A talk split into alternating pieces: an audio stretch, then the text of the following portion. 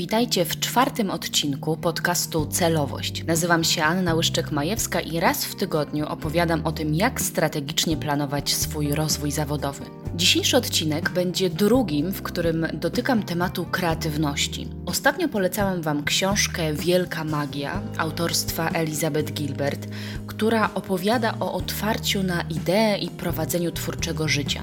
Jeżeli słuchając tego myśleliście, no dobrze, ale jak w praktyce rozwijać kreatywność, kiedy wcale tak łatwo nam to nie przychodzi, to dzisiaj mam dla Was coś specjalnego. Opowiem o podejściu do pracy nad odblokowaniem kreatywności.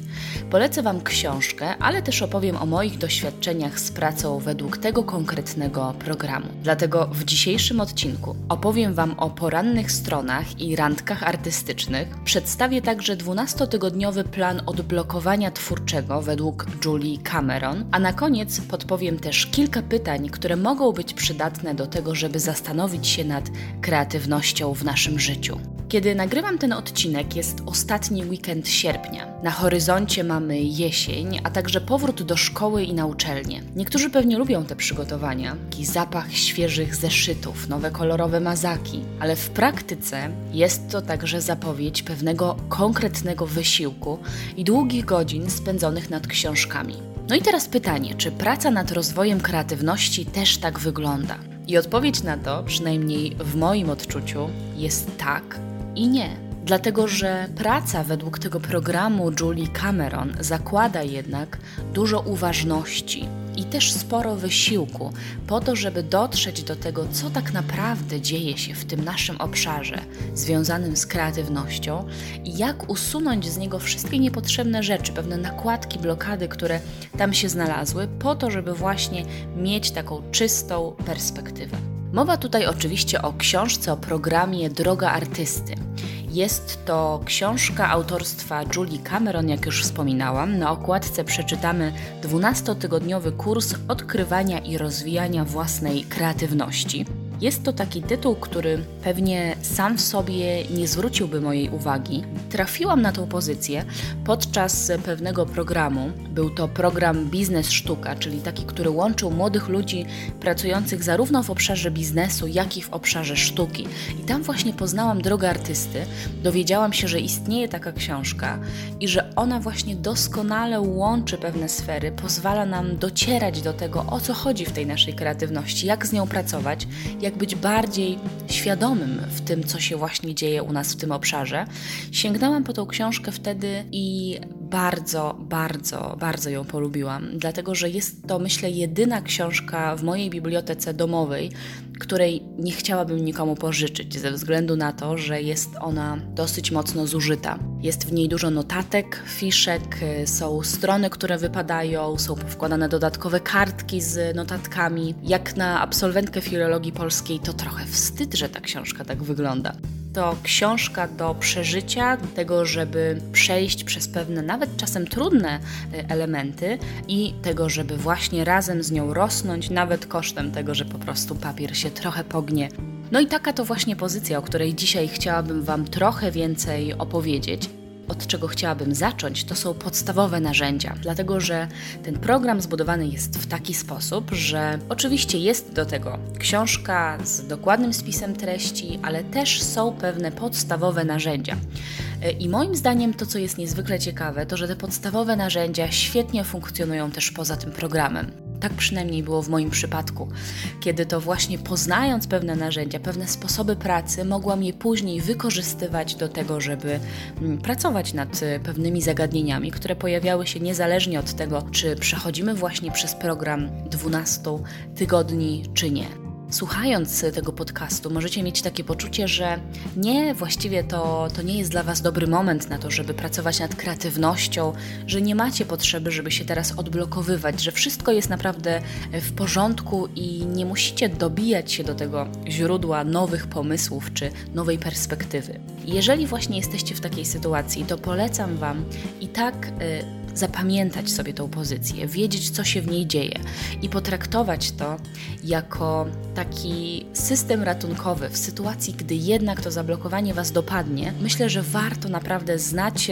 takie pozycje, warto wiedzieć, gdzie szukać pomocy, gdzie szukać wiedzy, kiedy taka sytuacja w naszym życiu zaistnieje, bo oczywiście jesteśmy różni, więc ona się trafia każdemu w innym momencie.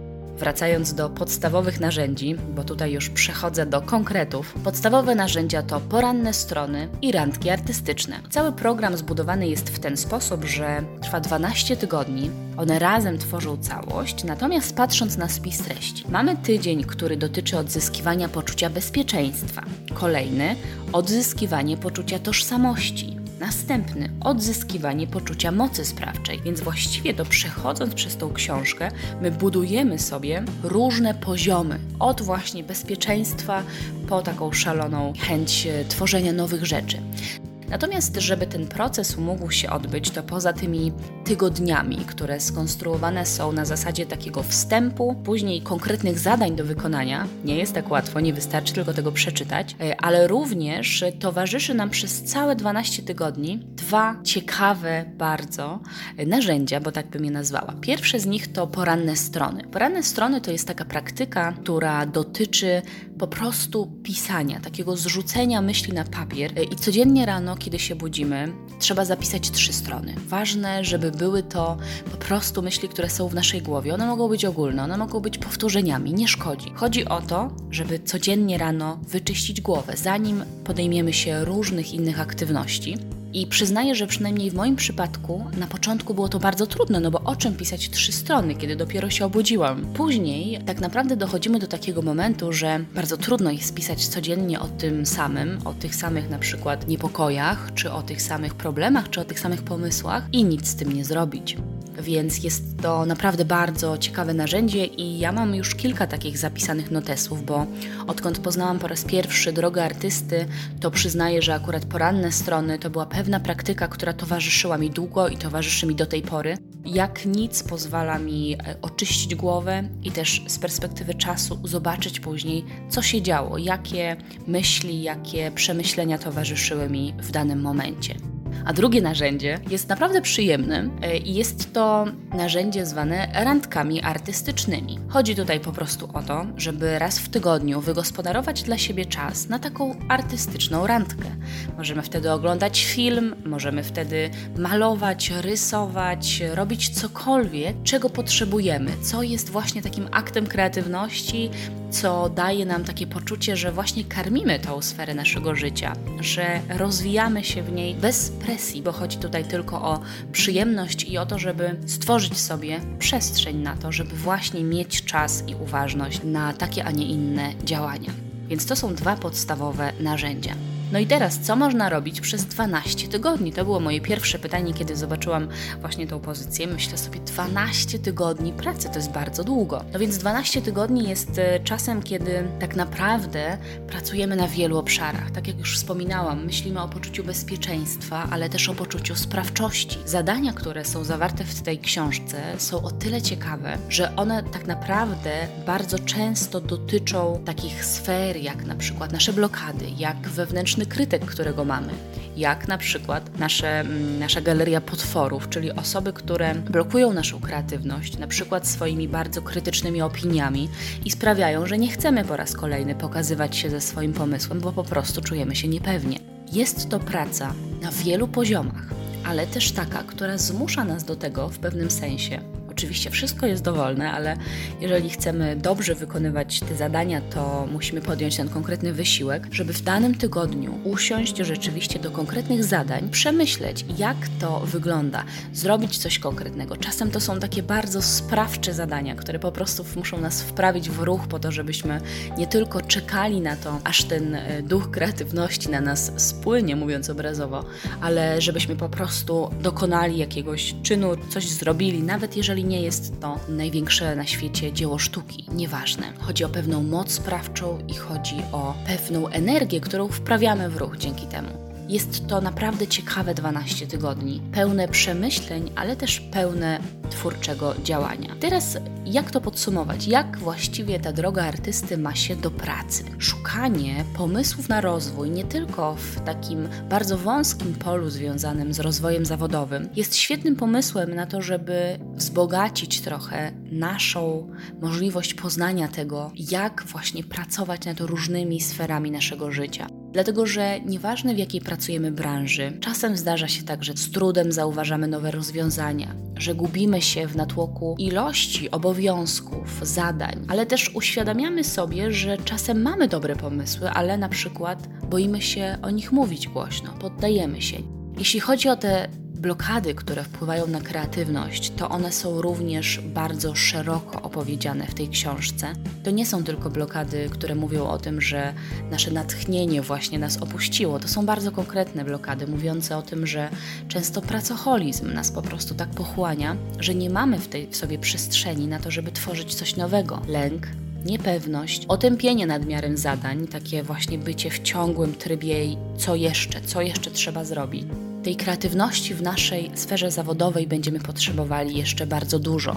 Patrząc zwłaszcza na wyzwania, które pojawiają się na rynku pracy przyszłości, które wskazywane są też w różnych prognozach kompetencji, które będą najbardziej poszukiwane, najbardziej pożądane. Patrząc chociażby na taki raport Future Work Skills 2020, który został przygotowany przez Institute for the Future dla Instytutu Badawczego Uniwersytetu Phoenix, jest tam kilka kompetencji, które właśnie zostało uznanych jako takie, które będą bardzo pożądane w przyszłości. To są kompetencje, które nie są wprost nazwane tak, jak rozumiemy kreatywność, czyli nie znajdziemy tam e, pisania wierszy czy malowania obrazów ale znajdziemy tam na przykład niekonwencjonalne i adaptacyjne myślenie, znajdziemy tam transdyscyplinarność, znajdziemy tam kompetencje międzykulturowe, umiejętność korzystania z nowych mediów, a także kompetencje z zupełnie innego porządku, jak na przykład odkrywanie sensu i nadawanie mu znaczenia, zarządzanie obciążeniem kognitywnym, myślenie obliczeniowe, myślenie projektowe czy współpraca wirtualna. Dlatego dzisiaj bardzo zachęcam Was do tego, że jeżeli czujecie taką potrzebę, że właśnie w Waszym życiu zawodowym jest taki moment, że potrzeba pewnej świeżości i być może właśnie dla Was